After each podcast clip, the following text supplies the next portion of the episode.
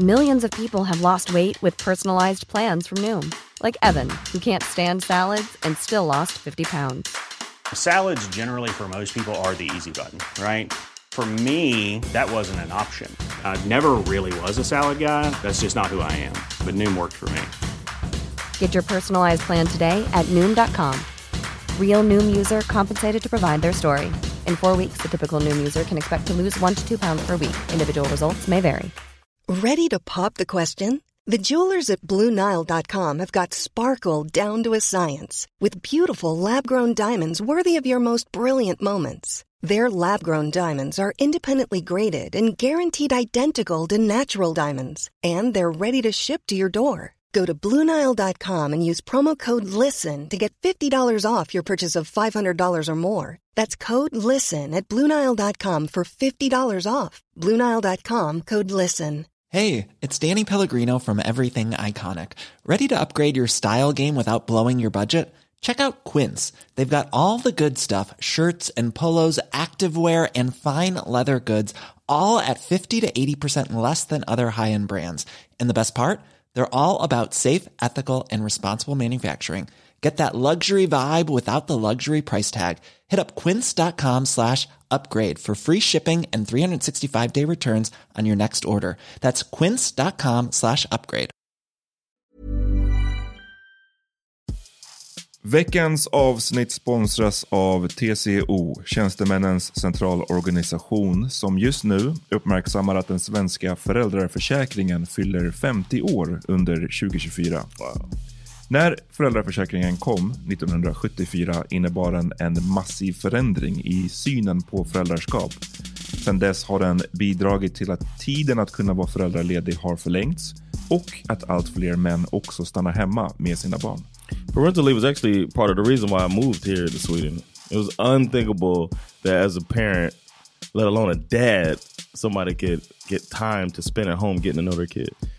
Ja, jag, tycker också att det är en av de mer underskattade aspekterna. Alltså hur viktig den där tiden är för att komma nära sitt barn. Jag tror att jag var hemma bortåt nio månader med mitt andra barn och nu kommer jag snart vara hemma igen med mitt tredje.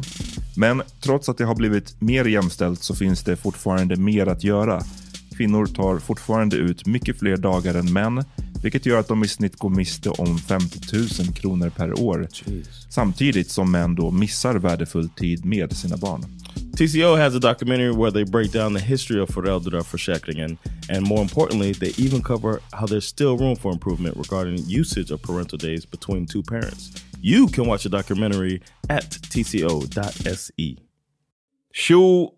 Som ni kanske vet har både jag och John eh, egna poddar. Vi har poddar utanför Så vad händer? Eh, den som jag har heter Svart historia och eh, vi tänkte bjuda lite nu under julledigheten på avsnitt från dem ifall ni fortfarande är on the fence och inte har kollat in dem.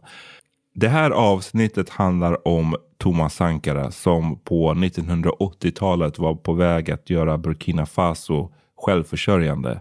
Men han motarbetades både på hemmaplan och internationellt. Det är en viktig berättelse om en frihetskämpe som vi inte har allt för bra koll på här i västvärlden. Kolla in avsnittet och hoppas att ni gillar det. Okej? Okay?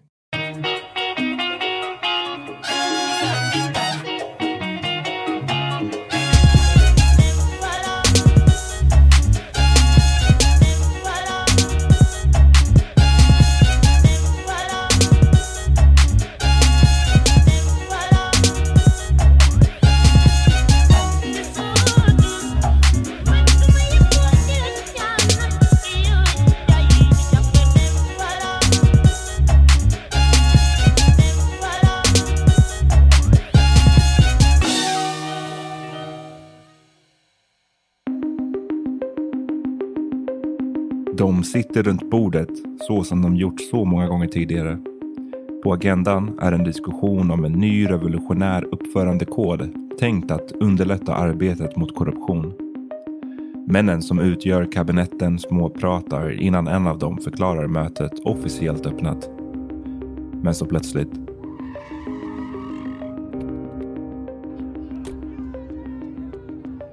Utanför hörs en slirande bil, uppjagade röster, maskingevärseld. I mötesrummet utbryter panik och männen slänger sig mot marken för att ta skydd. Men så ställer sig en av dem upp. Thomas Sankara, hjärnan bakom revolutionen som på bara fyra år stöpte om Burkina Faso i grunden. Medan han försiktigt reser sig upp möter han de andras blick, en efter en. Stanna här, säger han. Det är mig de vill åt. Han rör sig mot dörren och öppnar den. Han höjer armarna över huvudet och går ut. Någon sekund senare hörs en ny salva från maskingeväret. När Thomas Ankara ligger där på golvet med kulhål över hela kroppen är han bara 37 år gammal. Under hans ledning såg Burkina Faso en enorm utveckling och gick med snabba steg mot att frigöra sig från korruptionens bojor. Men hans radikala och hastiga förändringar uppskattades inte av alla. Han fick fiender både på hemmaplan och bland västvärldens storspelare. Nu återstod bara frågan, vem mördade honom och varför?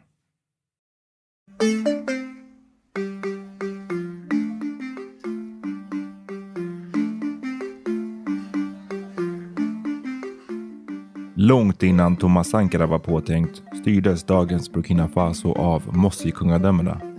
Det var en samling löst sammansatta riken som regerade över regionen ända sedan 1200-talet.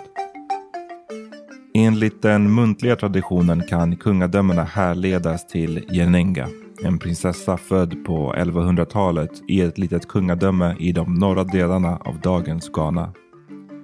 Som tonåring utmärkte sig Jenenga i krigskonst och var en skicklig ryttare som behärskade både pilbåge och spjut. Det sägs att hon ledde sin egen bataljon under flera av hennes fars krig. Enligt legenden var Jenenga en så talangfull militär ledare att hennes far vägrade gifta bort henne. Men själv ska hon ha längtat efter barn. Så en natt klädde hon ut sig till en manlig soldat och rymde norrut på sin hingst.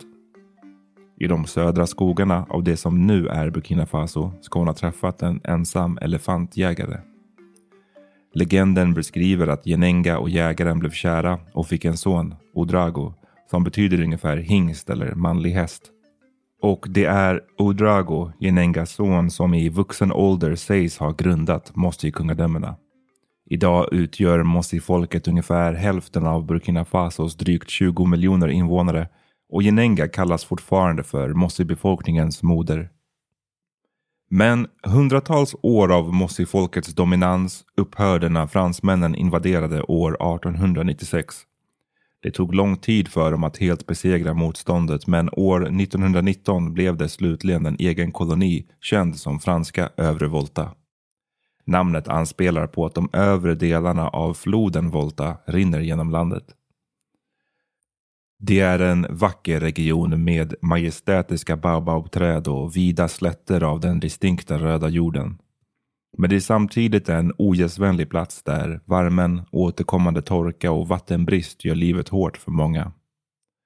De norra delarna av landet ligger i den så kallade Sahelzonen där Saharaöknen övergår i savann och grässlätter och under de svåraste perioderna är marginalerna för överlevnad små.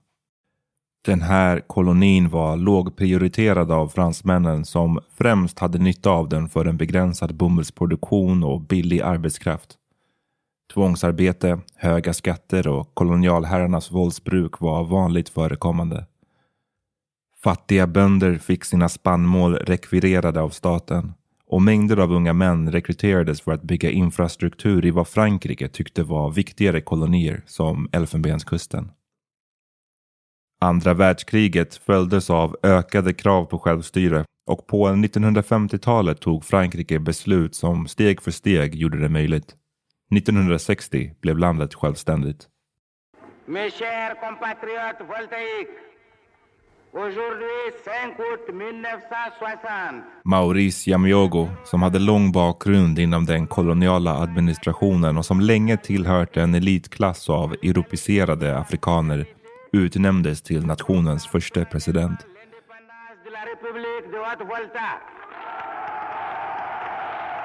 Men hans politiska manövrer inför självständigheten förvandlade honom i praktiken till en envåldshärskare. Övre Volta, som landet nu hette, började alltså sin självständighet som en de facto diktatur. Korruption började prägla övre Volta direkt och den som gick i bräschen var Yamayego själv.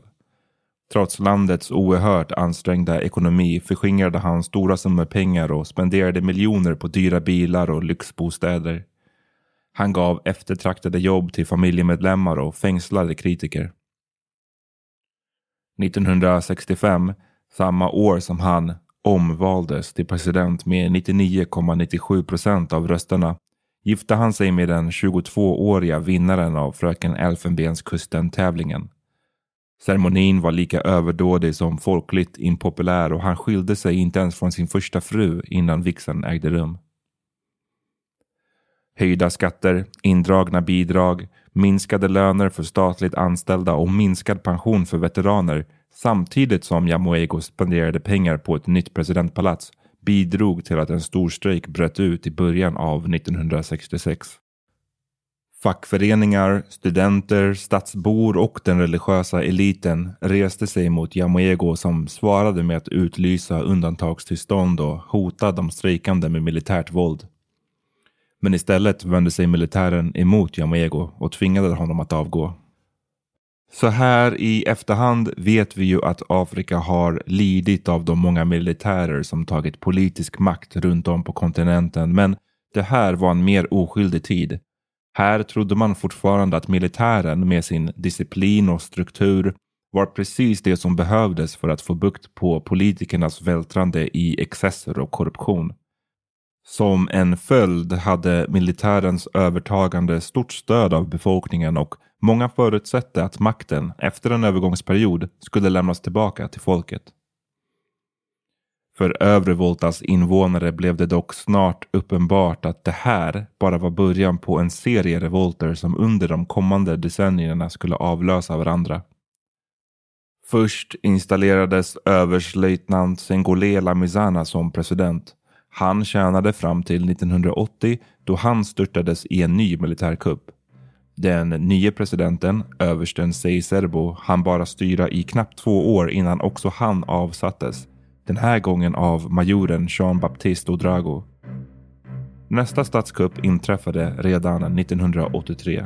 Men den skilde sig från de andra. För nu kom en man med grandiosa visioner för övre Volta till makten.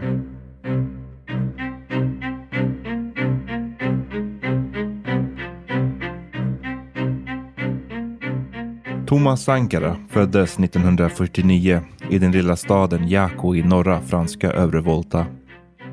Han tillbringade sin barndom i Gawa nära gränsen till Ghana och Elfenbenskusten där pappan var stationerad vid gendarmeriet, en militärt organiserad poliskår. Eftersom pappan var anställd av kolonialmakten hade familjen en relativt privilegierad ställning. De bodde i ett tegelhus uppe på en kulle ovanför staden tillsammans med de andra av gendarmeriets familjer. Familjen stack också ut genom att vara katoliker i ett land där de flesta var muslimer. I skolan blev privilegiet uppenbart när han kom i kontakt med barn från lägre samhällsklasser. Men han bevittnade även hur positivt särbehandlade barnen till franska tjänstemän blev. Som den förstfödde sonen av vad som till slut blev elva barn hade Sankara en fördelaktig position även i hemmet. Han fick mer utrymme att uttrycka sina åsikter och uppmanades att inta en slags ledarposition. Han fick ansvar att uppfostra och utbilda sina yngre syskon som i sin tur började se på honom nästan som en extra förälder. Sankara var en duktig elev, särskilt i franska och matte och som 17-åring började han på den nystartade militärhögskolan i huvudstaden Ouagadougou. Där fick han förutom militärträning utbildning inom flera akademiska ämnen och lärde känna unga framtida makthavare. Men den kanske viktigaste personen var historie och geografiläraren Adama Touré som introducerade honom för koncept som neokolonialism, imperialism, kommunism och socialism. 1969 blev Sankara en av få elever som valdes ut att få fortsätta sin utbildning på militärhögskolan i Madagaskars huvudstad. Där kompletterade han sina studier med jordbrukskunskap, läste Karl Marx för första gången och blev vittne till protesterna mot den Frankrikevänliga regimen som skakade landet 1972. Året efter var Sankara tillbaka i hemlandet. Han var med i en beväpnad gränskonflikt som bröt ut mellan Övre Volta och Mali i december 1974. Där hade han befäl över en trupp som framgångsrikt deltog i ett av få slag i det annars händelsefattiga kriget. I pressen blev han därför känd som en krigshjälte men själv var det en titel han undvek. Han slogs istället av hur meningslös konflikten var och sörjde hur den drabbade vanliga civila. Människor som hade det mesta gemensamt men hamnat på varsin sida om en kolonial landgräns. Under tiden blev han dock nära vän med en annan framstående soldat, Blaise Campoire, och fick rykte om sig som en löftesrik officer. President Senguale Lamizana, ni kommer ihåg han som tog över i en statskupp 1966, utsåg Sankara till ledare för ett nytt militärläger i södra Övre Volta 1976. Där skulle välbehövliga elittrupper fostras. Sankara blev en populär ledare. Han uppmuntrade sina soldater till att läsa böcker, mobiliserade dem för att hjälpa lokala bybor med olika byggprojekt, spelade gitarr i ett jazzband tillsammans med sin vän Campoire, höll föreläsningar om samhällsfrågor och anordnade filmvisningar utomhus. Han ordnade till och med med konton åt soldaterna på en lokal bank och lärde dem att hantera sina pengar. Vanligtvis åt militära ledare separat men Sankara åt tillsammans med sina soldater som sakta men säkert började avguda honom. Trots att han blev mer och mer omtyckt så bekymrade sig Sankara mycket över landets många utmaningar.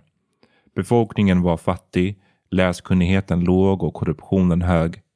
Matpriserna steg och de som hade möjlighet förskingrade pengar. De stal till och med av hjälpsändningarna som omvärlden skickade till landet för att motverka svält och sålde dem vidare för egen vinning.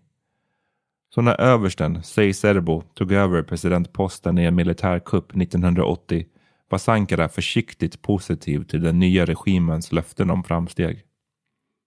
Men han misstänkte samtidigt att det nya ledarskapet saknade den progressiva visionen som behövdes för att förändra landet. Fortfarande populär blev Sankara befordrad till kapten och i september 1981 rekryterad till tjänsten som informationsminister inom den nya administrationen. Han accepterade posten motvilligt eftersom han ogärna ville alliera sig med en regim som han inte visste vad han hade. Men egentligen hade han inget val. Att bli informationsminister var inte så mycket ett jobberbjudande som en militär order och som en soldat var han tvungen att följa den.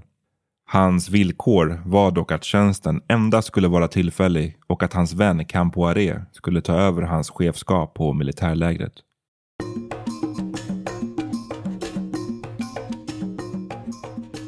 Som minister stack Sankara ut. Han föredrog att cykla till jobbet hellre än att använda tjänstebilen. Han åt sina måltider på billiga gatukök och han uppmuntrade pressen att inte skönmåla regeringen i sin rapportering. Trots alla löften om motsatsen fortsatte korruption och repression att vara del av den nya regimen. Beslutsfattare drog in strejkrätten, fängslade aktivistiska studenter och gjorde sig fiende med fackföreningarna. Som en protest mot allt det här sa Sankara plötsligt upp sig i april 1982 efter bara ett drygt halvår på posten.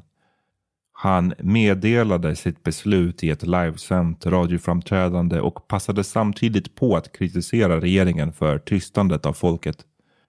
Och direkt efter det här talet svarade regimen med att frånta honom hans kaptensrang och förvisa honom till ett militärläger i landets västra delar. I sex månader hölls han fången. Men dagarna för Seiserbos regim var räknade. I november 1982 intog armén huvudstaden och utannonserade grundandet av en ny militärjunta ledd av den nya presidenten Jean-Baptiste Oudrago. Sankaras popularitet hade inte undgått någon och i januari 1983 erbjöds han posten som premiärminister. Relationen med Oudrago blev dock tidigt ansträngd på grund av Sankaras krav på en mer progressiv politik. I passionerade tal som drog stora och unga publiker kritiserade han byråkratin, företagare och den politiska eliten. Inom militärjuntan som styrde landet fanns en tydlig reva mellan det äldre gardet som utbildades i Frankrike och fortfarande stod den gamla kolonialmakten nära och den yngre, mer radikala generationen som såg imperialism och neokolonialism som själva källan till problemen som landet tampades med. Den alliansfria rörelsen var en organisation för stater i den så kallade tredje världen. Den strävade efter att bevaka medlemsländernas intressen under kalla krigets dragkamp mellan öst och väst.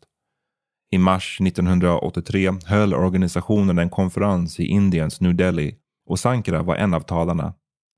Där gjorde han sig för första gången egentligen ett namn på den internationella arenan och kom ut som en motståndare till Israels invasion av Libanon. Han kritiserade USAs imperialism i Sydamerika och uttryckte sitt stöd till folket i apartheidens Sydafrika. Under det här sammanträdet hade han dessutom en lång konversation med Kubas ledare Fidel Castro.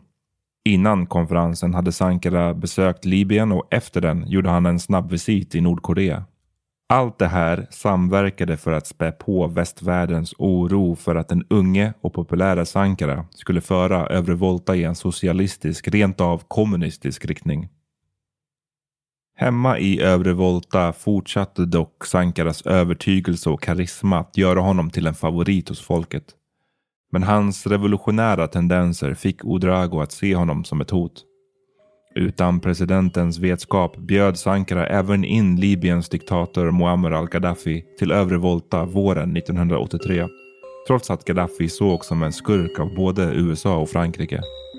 Det verkar ha varit droppen. Drygt två veckor senare greps Sankara, enligt somliga historiker efter påtryckningar från Frankrike, och placerades under husarrest. För regimen var förhoppningen att arresterandet av Sankara skulle öka den politiska stabiliteten och lägga locket på landets revolutionära element. Det var en massiv felbedömning. För beslutet väckte ilska hos både civila och landets unga officerare. Vilda protester bröt ut. Den 4 augusti ledde kaptenen Blaise Campoire, Sankaras vän, en trupp mot Ouagadougou Soldaterna intog huvudstaden och mötte minimalt med motstånd. Senare på kvällen hördes Sankara på radion. Han meddelade att militärjuntan avsatts och utannonserade skapandet av National Revolutionary Council, landets nya beslutande parti. Sankara, endast 33 år gammal, tog själv över presidentskapet.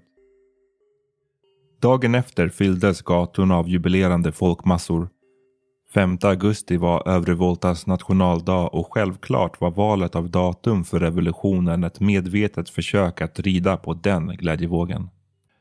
Sankara åkte runt stan och stannade periodvis för att prata med invånare vars ansikten lyste av spänd förväntan. Övre Volta stod nu inför kolossala förändringar. When you're ready to pop the question, the last thing you want to do is second guess the ring. At Bluenile.com you can design a one-of-a-kind ring with the ease and convenience of shopping online. Choose your diamond and setting. When you find the one, you'll get it delivered right to your door. Go to Bluenile.com and use promo code LISTEN to get $50 off your purchase of $500 or more. That's code LISTEN at Bluenile.com for $50 off your purchase. Bluenile.com code LISTEN. Hey, it's Danny Pellegrino from Everything Iconic. Ready to upgrade your style game without blowing your budget? Check out Quince. They've got all the good stuff shirts and polos, activewear, and fine leather goods, all at 50 to 80% less than other high end brands. And the best part? They're all about safe, ethical, and responsible manufacturing. Get that luxury vibe without the luxury price tag. Hit up quince.com slash upgrade for free shipping and 365 day returns on your next order. That's quince.com slash upgrade. Millions of people have lost weight with personalized plans from Noom, like Evan, who can't stand salads and still lost 50 pounds. Salads, generally, for most people, are the easy button, right?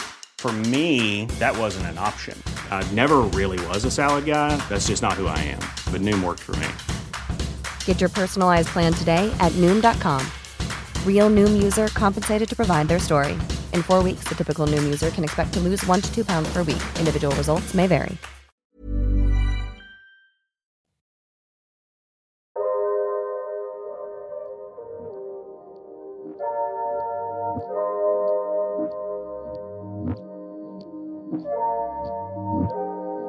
Till skillnad från de tidigare statskupperna som avlöst varandra i Övre Volta hade Thomas Sankaras revolution riktiga ambitioner om att stöpa om landet. Högst upp på agendan var att bryta traditionen av korruption som möjliggjort att en liten elit vältrade sig i lyx medan majoriteten av befolkningen levde i utbredd fattigdom. I boken Thomas Sankara, An African Revolutionary citerar amerikanske journalisten Ernst Harsh ett tal som Sankara höll två månader efter övertagandet. I det beskrev han Övre Voltas 23 år av självständighet som ett citat paradis för den rika minoriteten men ett knappt tolerabelt helvete för majoriteten, folket. Slutcitat.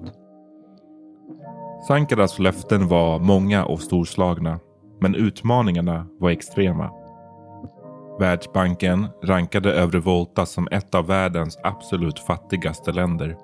Utländska investeringar var minimala och befolkningen som nästan uteslutande förlitade sig på jordbruk drabbades av regelbunden torka, översvämningar och gräshoppsvärmar. Sin vana trogen hade Sankara en informell ledarstil även som president och den bröt av mot den rådande trenden bland många afrikanska ledare. Han tillät inga avbildningar av sig själv på offentliga platser eller byggnader. Han fortsatte bo i samma enkla hus som tidigare. Hans två barn gick i statlig skola och han undvek att ge släktingar positiv särbehandling. Hans fru Mariam fortsatte jobba på ett fraktbolag medan hans mamma arbetade på marknaden. På årsdagen av revolutionen bytte Sankara namn på landet. Från det koloniala Övre Volta till Burkina Faso som på lokala språk översätts till ungefär de hedervärdas land. Som gammal gitarrist skrev han själv den nya nationalsången. Sankara sjösatte flera ambitiösa projekt. Regeringens samling av dyra Mercedes-bilar såldes och betydligt billigare Renault 5-modeller köptes in. Pengarna som blev över av försäljningen spenderades istället på skolor och vårdkliniker. Han gav regeringsanställda, inklusive sig själv, modesta löner och förbjöd dem från att resa i första klass. Flera av bonusarna de vant sig vid att få drogs in. I Thomas Sankara, A Revolutionary in Cold War Africa skriver den amerikanske historikern Brian J. Peterson citat.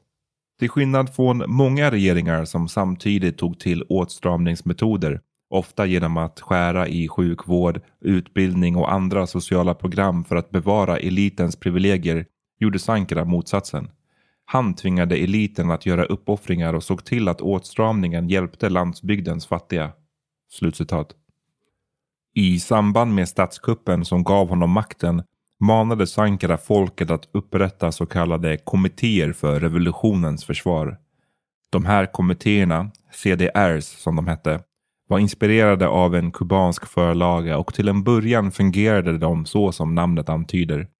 Vanliga civila fick en kort utbildning och beväpnades, ofta med enkla tillhyggen och fick sedan i uppdrag att hålla vakt och utkik efter potentiella kontrarevolutionärer. Men snart kom de att fungera som ett sätt att mobilisera befolkningen och ett sätt att genomföra regeringens direktiv. De utgjordes av en blandad skara invånare från välutbildade till illiterata och kom fram till sina beslut genom omröstning. CDR fick ansvar för allt från att bygga och reparera vägar till att dela ut mat till behövande. Överallt organiserade sig folket och som ett kollektiv tog de tag i utvecklingen. Skolor uppfördes, bostäder byggdes, bevattningssystem grävdes fram. Bland Mossi-befolkningen på landsbygden hade äldre manliga byhövdingar, ibland en person, ibland ett råd, traditionellt haft mycket makt och ett stort mått självbestämmande. Men nu ersattes de gradvis av CDR-kommittéerna som kom att representera regeringen på lokal nivå från urbana miljöer till landets mer avlägsna hörn.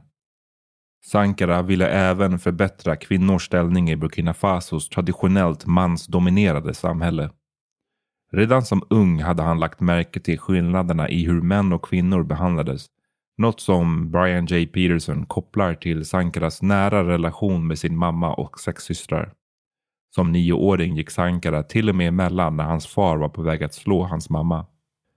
I ett tal som Sankara höll på kvinnodagen 1987 och som finns återgivet i sin helhet i boken Women's Liberation and the African Freedom Struggle sa han citat Medan samhället ser födandet av en pojke som en gåva från Gud ses födandet av en flicka som ödesbestämt eller i bästa fall som en gåva som kan producera mat och bevara människan.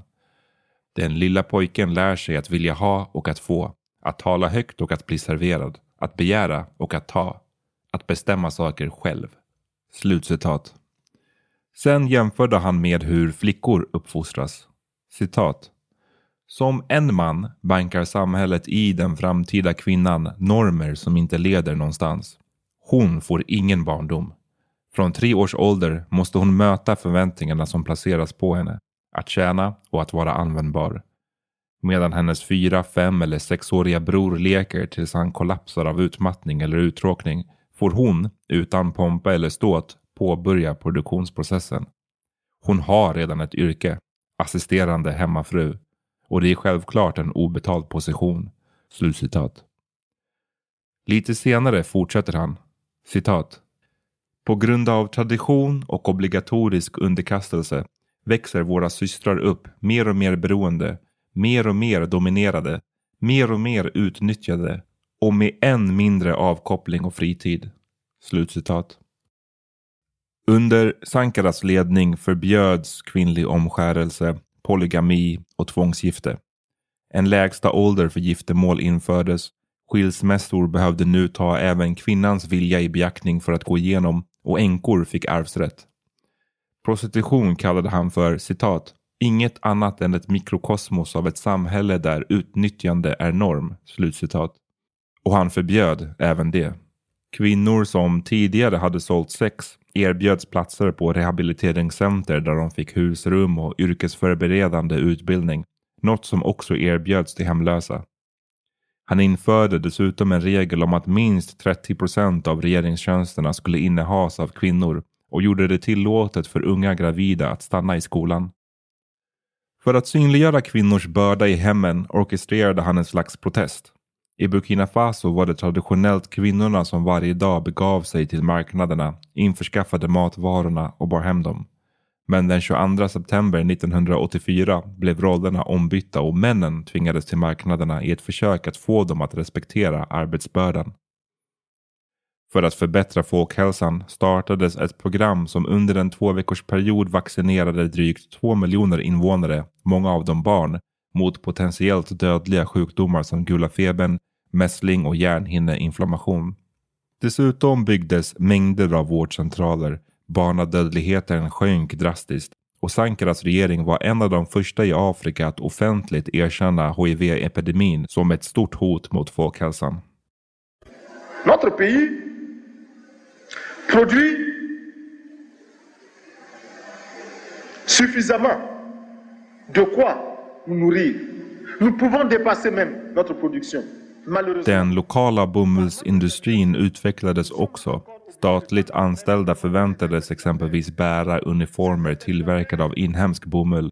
Samtidigt som jordbruksreformer ökade matproduktionen och gjorde Burkina Faso självförsörjande.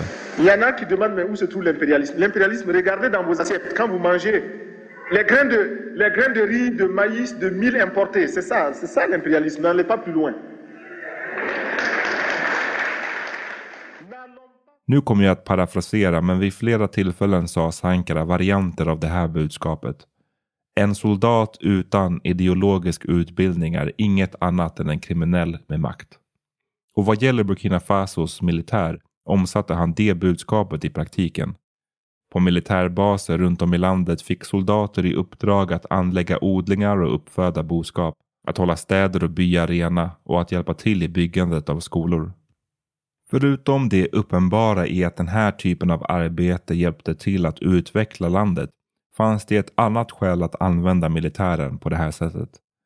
Enligt journalisten Ernst Harsch, som täckt Burkina Faso sedan 1980, berättade Sankara för honom att soldaterna genom jordbruk påmindes om hur vanliga burkinier arbetade och slet. Och på så sätt skulle soldaterna se sig själva som en del av folket och inte som en privilegierad grupp. Sankara kallas ofta för en marxist-leninist och på hans kontor fanns böcker av Marx, ett tyg med en avbildning av Che Guevara på och på hans skrivbord stod till och med en byst av Lenin. Men han var samtidigt troende och hävdade att Burkina Faso inte var anhängare av någon av de utländska ideologierna, varken till höger eller vänster. I en intervju med Newsweek påstod han att regeringens mål bara var att förse folket med citat adekvat mat, kläder, husrum, vård och utbildning. Slutcitat. En vanlig missuppfattning eller kanske förenkling är att Sankara helt tackade nej till utländsk bistånd. I verkligheten var Burkina Faso beroende av omfattande ekonomiskt stöd från framförallt Frankrike, men även från nationer som Nederländerna, Japan, Kuba och Kina. Sankara var däremot starkt kritisk till idén om att bistånd var välgörenhet.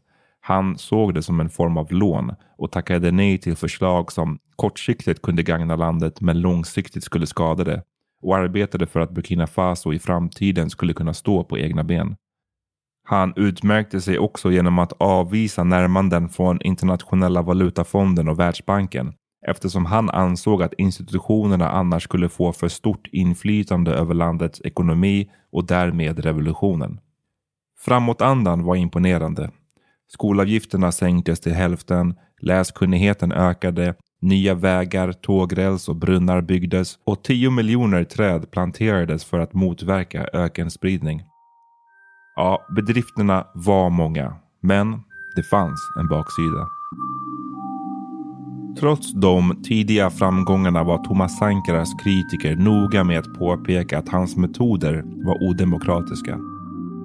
Sankaras regering tillät exempelvis inte några andra politiska partier. Regeringen kunde även avskeda statligt anställda som ansågs vara kontrarevolutionära och den motarbetade fackföreningar. När landets lärare i mars 1984 gick ut i strejk sedan två av deras kollegor avskedats för kritiska uttalanden om regeringen svarade utbildningsministern med att avskeda ytterligare drygt tusen av dem. Pressen var inte officiellt censurerad och regeringen vidhöll att journalisterna var fria att kritisera makten. Men i praktiken framfördes ingen kritik. Och när maskerade män i juni 1984 attackerade och brände ner tryckeriet tillhörande L'Observateur, landets enda självständiga tidning, blev statligt ägda medier det enda kvarvarande alternativet. Vid flera tillfällen hade han själv kallat revolutionen för en demokratisk sådan, men det är viktigt att understryka att Sankaras syn på demokrati verkligen skilde sig från den som vi har vant oss vid här i väst. I Sverige har vi exempelvis representativ demokrati där folket gör sin röst hörd genom att välja partier och personer som får företräda dem. Men den idé av demokrati som Sankara verkade tro på kan närmast eh, liknas vid någon slags deltagardemokrati. Där invånare själva förväntas vara med och påverka besluten eller i den mån det går till och med själva fatta dem. Förutom de tidigare nämnda kommittéerna för revolutionens försvar exemplifieras det tydligast av de så kallade revolutionära domstolarna som Sankara upprättade. De stod utanför det vanliga rättsväsendet och var tänkta att ge vanligt folk chansen att bevittna rättegångar mot korrupta tjänstemän och medlemmar av tidigare regeringar. Men istället kunde de urarta i skenrättegångar präglade av personliga vendettor. Åtalade stod utan försvarsadvokater och saknade möjligheten att överklaga.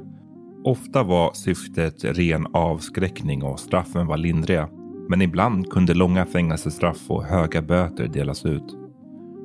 Sankaras snabba reformer var uppskattade i många läger men skapade samtidigt mäktiga fiender i andra. Speciellt eftersom de här förändringarna var tänkta att genomföras omgående utan prövotid eller övergångsperioder.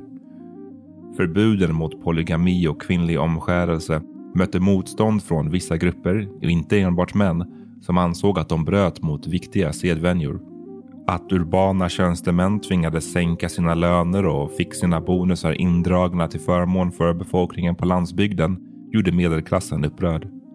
och mossifolkets tradition att lämna delar av beslutsfattande till äldre manliga byhövdingar utmanades av den nya regeringens hierarkier. Från att i sekler ha vant sig vid makt och inflytande berövades nu dessa traditionella ledare sina möjligheter att utkräva arbete och beskatta invånare. Missnöjet växte dessutom inom den statliga apparaten när Sankara från augusti 1985 inledde ett årligt program där ministrar och statligt anställda omplacerades till landsbygden för att delta i olika projekt. Enligt Sankara var syftet att ge dem en inblick i befolkningens utmaningar och att understryka för folket att regeringsanställda inte stod över vanliga invånares plikter. Kanske påverkad av hans militära disciplin överraskade han ibland statligt anställda genom att besöka deras kontor för att inspektera att de skötte sitt arbete. En metod som av förklarliga skäl ogillades av många. Om tjänstemän var sena till jobbet med så lite som fem minuter kunde de straffas genom att beordras arbeta kvällar eller helger. Till och med hans nära militära kollegor retades upp när han beordrade kaptenen Gilbert Diendere att avsluta en affär med en älskarinna. För Sankara var otrohet inte förenligt med revolutionen, något flera av hans manliga allierade irriterade sig på och ansåg vara alltför idealistiskt. I början av 1987 hade Sankara blivit isolerad. Som individ var han fortfarande omtyckt av majoriteten av folket och utomlands fanns det många som såg upp till honom för Burkina Fasos snabba framsteg. Men i själva verket hade luften nu gått ur revolutionen. På den internationella arenan hade hans antiimperialistiska retorik gjort relationen med USA och Frankrike kylig och det spända förhållandet med den före detta kolonialmakten spillde över i och spädde på konflikter med grannländerna Elfenbenskusten, Mali och Togo. Alla tre nära franska allierade. Libyens Muammar al-Gaddafi, en tidigare bundsförvant, hade också vänt honom ryggen sen Sankara vägrat öppna upp landet för Libyen-sponsrade rebelltrupper som planerade en kupp i Liberia. Rykten om en ny revolt i Burkina Faso oroade Sankaras närmaste vänner och familj. Trots deras vädran om att han skulle attackera först valde Sankara att avvakta. Att spela blod skulle bara leda till en evighetslång vendetta. I sina tal under hösten 1987 var Sankara fortsatt kritisk till den medelklass och politiska elit som han ansåg var upptagna med att berika sig själva på de fattigas bekostnad. Men han medgav också att regeringen kan ha genomfört somliga förändringar för fort och föreslog en paus i revolutionen för att ge samhället en chans att hämta andan. Vad han än försökte uppnå var det redan för sent. På eftermiddagen den 15 oktober 1987 rörde sig ovanligt många soldater i huvudstaden de intog strategiska positioner samtidigt som telenätet upphörde att fungera. Thomas Sankaras närmaste hade uppmanat honom att hålla sig i säkerhet, men för honom kunde jobbet inte vänta. Det är svårt att veta hur medveten Sankara var om sin utsatta position när han satt där i mötesrummet med sin kabinett. Informationen om vad som hände, den plötsliga skottlossningen utanför som lät som citat ösregn på ett plåttak, slutcitat, kommer från Aluna Traoré, den enda av mötesdeltagarna som överlevde. Sedan 1987 har han konsekvent hållit sig till samma version av händelseförloppet. Hur Sankara försäkrade alla andra om att han var måltavlan och gick ut ur rummet med armarna höjda över huvudet. Hur han knappt hann gå ut innan han sköts ihjäl. Hur soldater sen stormade in i rummet och avrättade tolv av de närvarande Traoré sköts också och det var ett under att han klarade sig med livet i behåll. Angriparna hade mobiliserats av Gilbert Diendere, kaptenen som kritiserats av Sankara för sina otrohetsaffärer. Samtliga soldater lydde under Blaise Campoire, Sankaras långvariga kollega och nära vän. De hade varit så pass nära att de ofta beskrevs som bröder. Under perioder hade Campoire bott hemma hos Sankara vilket fick Sankaras fru Mariam att skämta om att de var co-wives. Men nu tog Kampoare över makten i Burkina Faso. Senare på kvällen strömmade hans röst ut ur radioapparater runt om i landet. Orden var hårda och anklagande och han utmålade Sankara som en förrädare med storhetsvansinne. Det kan fortfarande diskuteras huruvida Sankara hade misstänkt att Kampoare skulle förråda honom. I historikern Brian J. Petersons Thomas Sankara, A Revolutionary in Cold War Africa, utgiven våren 2021, citeras flera personer med en intim inblick i händelseförloppet. Några av dem anser att Sankara såg sin egen död som ofrånkomlig och inte ville riskera att vara den som förde Burkina Faso mot ett potentiellt inbördeskrig genom att försöka röja undan hotet. Andra tycker att han helt enkelt var för tillitsfull för sitt eget bästa.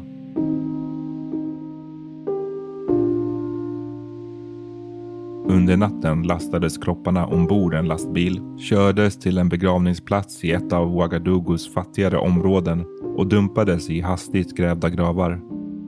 Sankara var bara 37 år gammal och revolutionen hade nyligen firat sin fyraårsdag. Sankaras död chockade landets invånare. Burkina Faso må ha vant sig vid statskupper men det här var första gången en president mördats. Campoare förnekade inblandning. Han påstod att hans trupper hade fått reda på en komplott som Sankara planerade och på eget bevåg begett sig till presidenten för att arrestera honom. När soldaterna försökte gripa Sankara ska han ha svarat med att öppna eld och soldaterna tvingades därför skjuta ihjäl honom i självförsvar. Campoares version av händelseförloppet förkastades direkt av alla förutom hans mest trogna lojalister. Frankrikes roll i mordet på Sankara har varit omdebatterad bland historiker, politiska kommentatorer och vanligt folk i både Burkina Faso och omvärlden. Vissa har sett det som ett franskt beställningsmord medan andra har uppfattat det som crescendot av en intern konflikt. Brian J. Peterson argumenterar för ett mellanting i hans bok. Han menar att Frankrike inte deltog militärt men att landet medverkade till att skapa förutsättningarna för kuppen. Bland annat genom ekonomisk press, medial smutskastning och att så osämja inom Sankaras parti. Flera försök har gjorts för att få Frankrike att offentliggöra hemlighetsstämplade dokument som en gång för alla kan bevisa landets eventuella ansvar. Hittills utan framgång. Sankara blev en symbol för panafrikanism, självförsörjning, antiimperialism och antikorruption världen över, men han smutskastades på hemmaplan. Campoaré porträtterade sig själv som den verkliga revolutionären, den som på riktigt brydde sig om folket. Internationellt ville Campoaré däremot uppfattas som en sansad och realistisk ledare, långt bortom Sankaras radikala idéer och öppen för nya samarbeten med västvärlden. Inom kort tecknades avtal med Världsbanken och Internationella valutafonden och Campoire välkomnades som en frisk fläkt av stormakterna i väst. I Burkina Faso nedmonterades revolutionen. Impopulär bland majoriteten av befolkningen förlitade sig den nya regimen på den övre medelklassen, äldre byhövdingar och de som tillhört den politiska eliten före 1983 års revolution grupper som traditionellt haft makten i landet och som Sankara gjort sig ovän med. Korruption blev återigen en del av vardagen. Blaise Compaoré kom att regera Burkina Faso i 27 år, fram till 2014 då intensiva protester bröt ut mot att han försökte ändra konstitutionen för att förlänga sin mandatperiod. Throughout the morning. We were in the streets uh, very early this morning when protests started around uh, 6 6:30 a.m. So clashes with the police started then. Protesters were throwing stones. Police, uh, military, gendarmerie were uh, throwing uh, tear gas, and uh, then the the protesters forced their way towards Parliament to burn the building down. So now all around me, there's just black smoke everywhere in the city, and and there are uh, protesters that talk about marching to Kosiam, Kosiam being the presidential palace, to oust the president. The youth especially say that they have no prospects, and it's it's really about uh, um, the the youth and the people asking for economic prospects, for for uh, uh, for jobs, uh, for basic infrastructure in their country. Uh, the, most of the protesters that I met this morning say that they've had enough, uh, that 27 years is already too long, that they haven't seen the, the, their country being, being developed, and that none of the promises were kept. Under demonstrationerna skanderade aktivister Sankaras namn. Hans ansikte syntes på plakat och t-shirtar och hans ord citerades i tal. Till slut flydde Campoaré landet och gick i exil i Elfenbenskusten. 2015 hölls ett nytt presidentval som den tidigare premiärministern Caboret vann. Sankaras änka, familj och anhängare hade länge kämpat för att ställa de skyldiga inför rätta och med Campoaré borta fick de äntligen sin chans. 2015 grävdes Sankaras kropp upp och en obduktion bekräftade att han hade träffats av fler än 12 kulor. I april 2021 åtalade en militärdomstol i Burkina Faso slutligen Blaise Campoaré som tillsammans med 13 andra anklagades för att ha haft en del i mordet. I oktober det året inleddes rättegången i Campoarés frånvaro som svarade med att han bojkottade den och hävdade att han åtnjöt immunitet som en före detta statschef. Under tiden i Elfenbenskusten hade han dessutom hunnit bli medborgare där och kunde nu inte utelämnas utan tillstånd från den regeringen. Men sen hände det som satt landet i gungning så många gånger tidigare.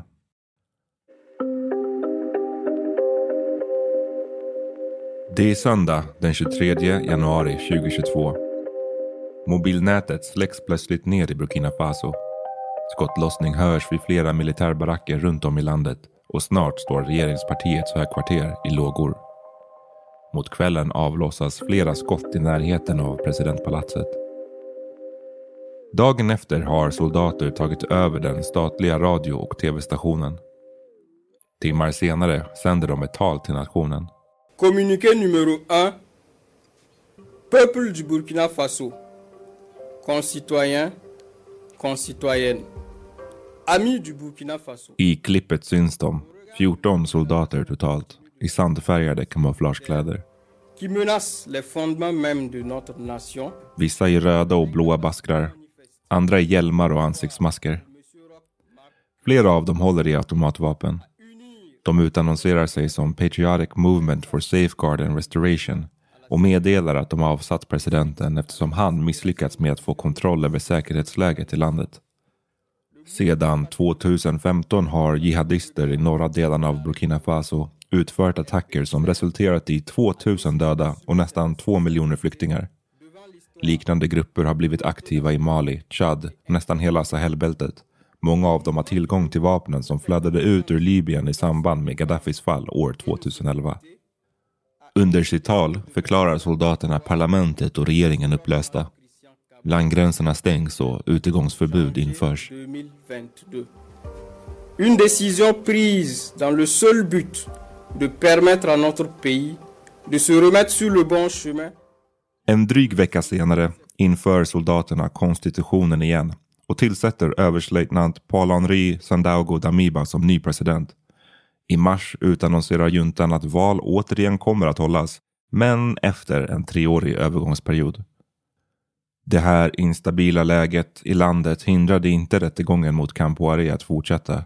Den 3 april 2022 dömdes han till livstid fängelse tillsammans med två av hans kumpaner.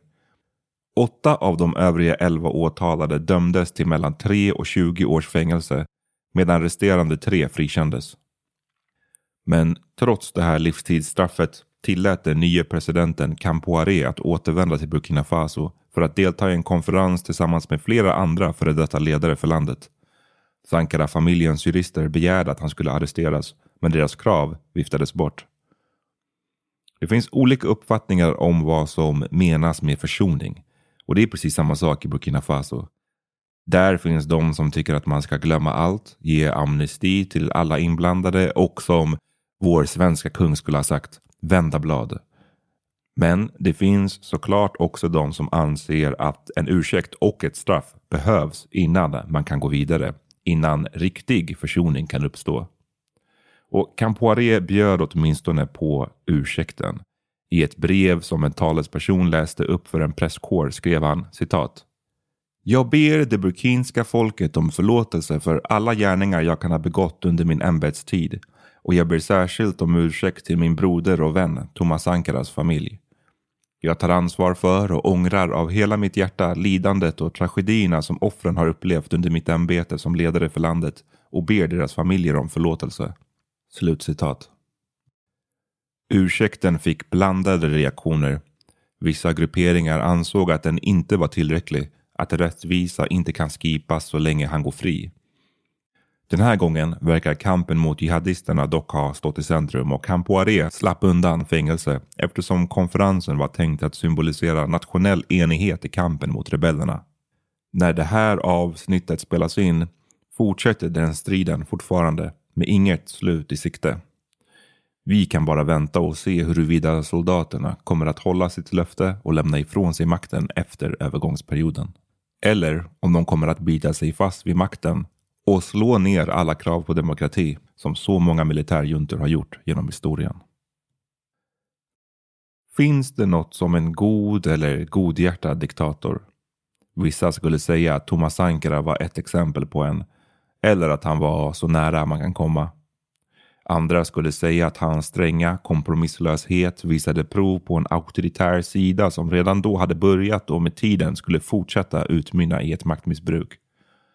Lord Acton, en brittisk historiker, är känd för ett brev han skickade till en brittisk biskop år 1887. I brevet skrev han citat. Makt tenderar att korrumpera och absolut makt korrumperar absolut. Slutcitat. Jag kommer att låta er som lyssnar bilda er en egen uppfattning om Sankara och vad som hade hänt om han inte mördades. Men för mig är i alla fall en sak uppenbar. Under ett 1980-tal där många andra afrikanska ledare såg ut att tävla i korruption och berikade sig själva på sina länders bekostnad gick Sankara en annan väg och på kort tid ingöt han stolthet, självförtroende och hopp om självförsörjning.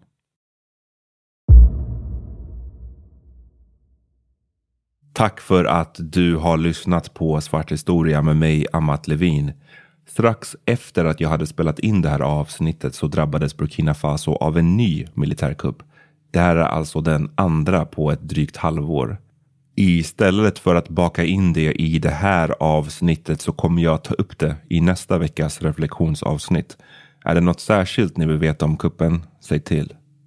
Som vanligt kan eh, vissa Patreon-prenumeranter redan nästa vecka se fram emot ett bonusavsnitt. Jag har, har faktiskt eh, några tankar om vad det ska handla om, men jag är också nyfiken på vad ni vill. Finns det någonting i den här berättelsen om Sankara som ni vill veta mer om? Skriv till mig i så fall så kanske jag väljer att eh, göra avsnittet om just den saken.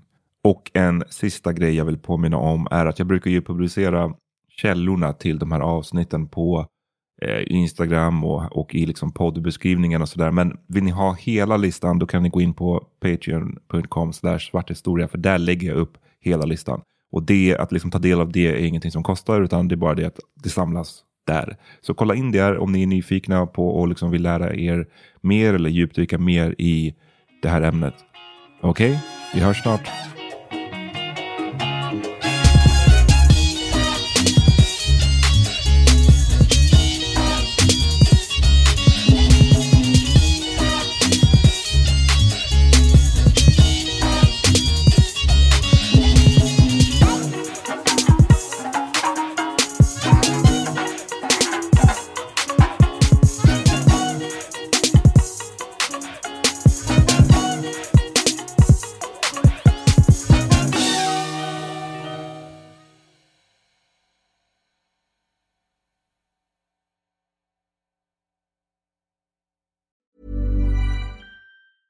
Hey, it's Paige DeSorbo from Giggly Squad. High quality fashion without the price tag. Say hello to Quince. I'm snagging high-end essentials like cozy cashmere sweaters, sleek leather jackets, fine jewelry, and so much more. With Quince being 50 to 80% less than similar brands. And they partner with factories that prioritize safe, ethical, and responsible manufacturing. I love that. Luxury quality within reach. Go to quince.com slash style to get free shipping and 365 day returns on your next order. Quince.com slash style. Hey, it's Paige DeSorbo from Giggly Squad. High quality fashion without the price tag. Say hello to Quince. I'm snagging high-end essentials like cozy cashmere sweaters, sleek leather jackets, fine jewelry, and so much more. With Quince being 50 to 80% less than similar brands. And they partner with factories that prioritize safe, ethical, and responsible manufacturing. I love that. Luxury quality within reach. Go to quince.com slash style to get free shipping and 365-day returns on your next order. quince.com slash style. Imagine the softest sheets you've ever felt. Now imagine them getting even softer over time. That's what you'll feel with Bowl and Branch's organic cotton sheets. In a recent customer survey, 96% replied that Bowl and Branch sheets get softer with every wash. Start getting your best night's sleep in these sheets that get softer and softer for years to come. Try their sheets with a 30-night guarantee. Plus, get 15% off your first order at bowlandbranch.com. Code BUTTERY. Exclusions apply. See site for details.